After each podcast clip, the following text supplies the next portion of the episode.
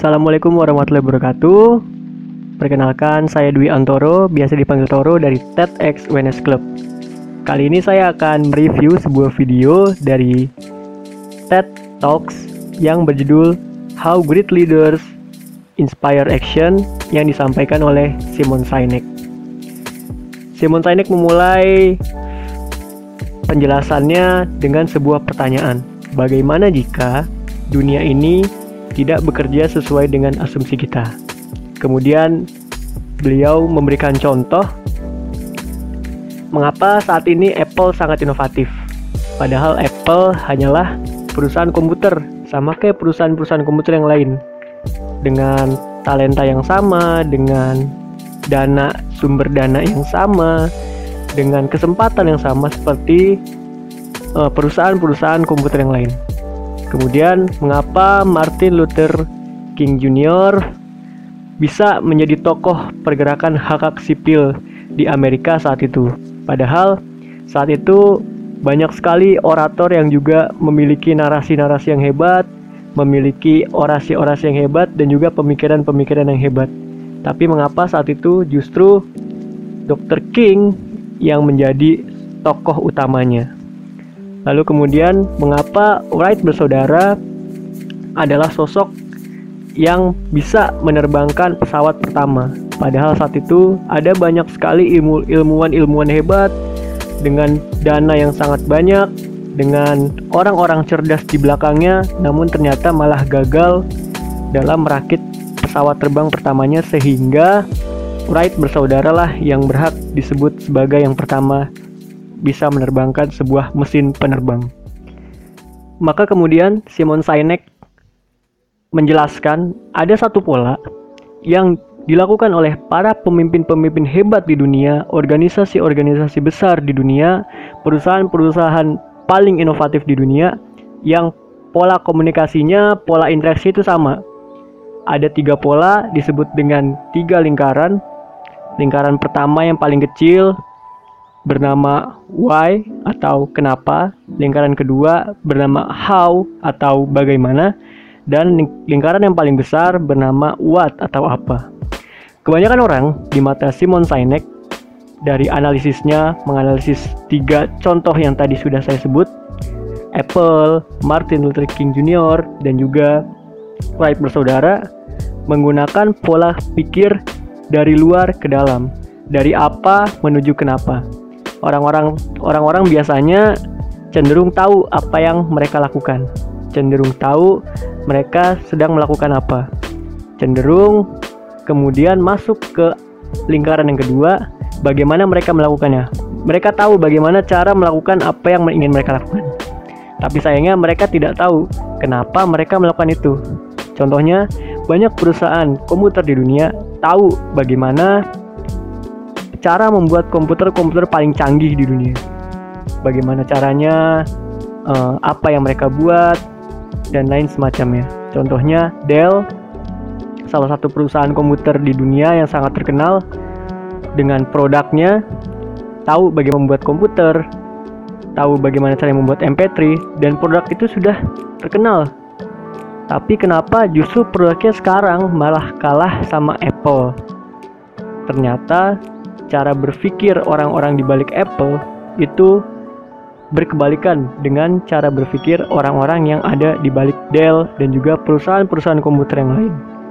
Apple menjual why, bukan menjual what. Apple tidak menjual apa yang mereka punya, tapi Apple menjual apa yang mereka percaya. Kenapa mereka melakukan itu? Suatu ketika pemilik Apple menjelaskan tentang pertama kali Apple dibentuk.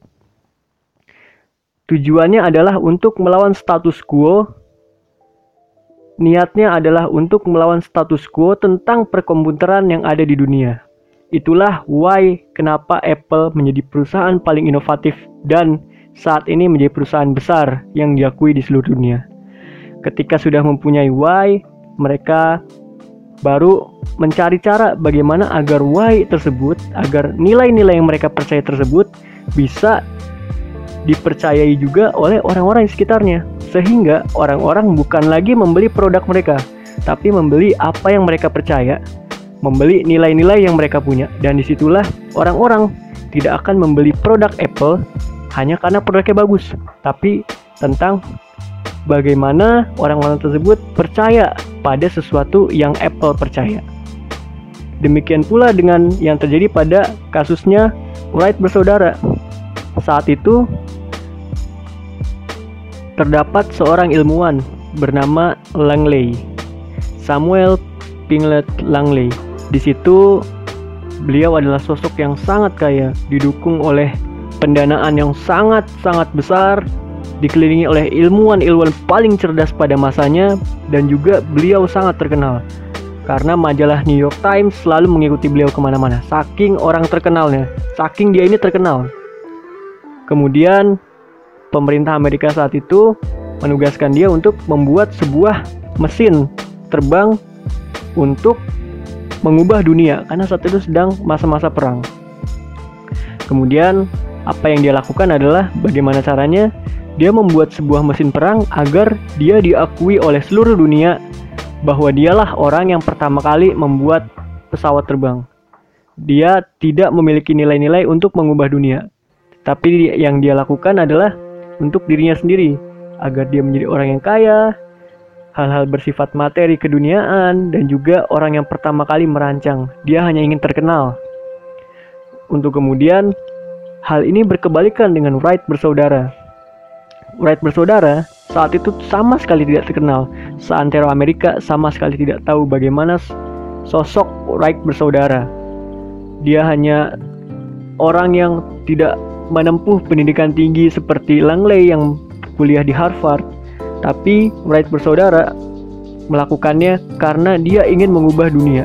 Dia ingin apa yang dia temukan bisa bermanfaat di dunia. Dan inilah yang kemudian menjadi semangat dan sesuatu yang mereka percaya hingga mereka menyebarkannya ke orang-orang dan orang-orang mempercayai apa yang dia percaya. Dan inilah yang membuat Wright bersaudara menjadi sosok yang bisa membuat mesin penerbang pertama di dunia dan diakui oleh seluruh dunia. Karena orang-orang percaya pada apa yang dia percaya dan orang-orang menyebarluaskan apa yang dipercaya ke orang-orang yang lain sehingga terjadilah kepercayaan yang banyak hingga terwujudlah sebuah cita-cita besar itu. Begitu juga dengan Dr. King. Saat itu King bukanlah satu-satunya orator yang bisa basi berapi-api dari banyak orang. Tapi sesuatu yang dia percaya, dia sebarkan kepada orang-orang di sekitarnya untuk kemudian dia katakan bahwasannya dia percaya bahwa nilai-nilai hak sipil harus ditegakkan. Kemudian pada kepercayaannya tersebut membuat orang-orang tersebut menyebarkan nilai-nilai kepercayaan itu kepada orang yang lain. Sehingga ketika di hari pidato sekitar 250 ribu orang hadir untuk mendengarkan orasi dari Dr. King. Dan inilah yang disebut dengan seseorang, orang-orang, semua orang membeli apa yang Anda percaya, bukan membeli apa yang Anda lakukan bukan membeli produk apa yang Anda punya. Dan rata-rata seluruh pemimpin-pemimpin hebat, organisasi-organisasi besar di dunia melakukan hal ini. Start from why. Dan inilah yang dijelaskan oleh Simon Sinek tentang bagaimana pola pikir orang-orang hebat di dunia, pemimpin hebat di dunia dalam memberikan inspirasi untuk beraksi, untuk melakukan sesuatu. Orang-orang membeli apa yang mereka percaya, bukan membeli produk apa yang Anda punya. Terima kasih. Oh iya, jangan lupa follow Instagram at Club untuk mendapatkan informasi-informasi seputar TED dan juga TEDx Wellness Club. Dan juga jangan lupa di follow Spotify-nya karena setiap minggu bakal ada podcast-podcast baru review tentang video TED Talks yang akan disampaikan oleh masing-masing orang di, di balik TEDx Wellness Club. Sampai jumpa di kesempatan. Terima kasih.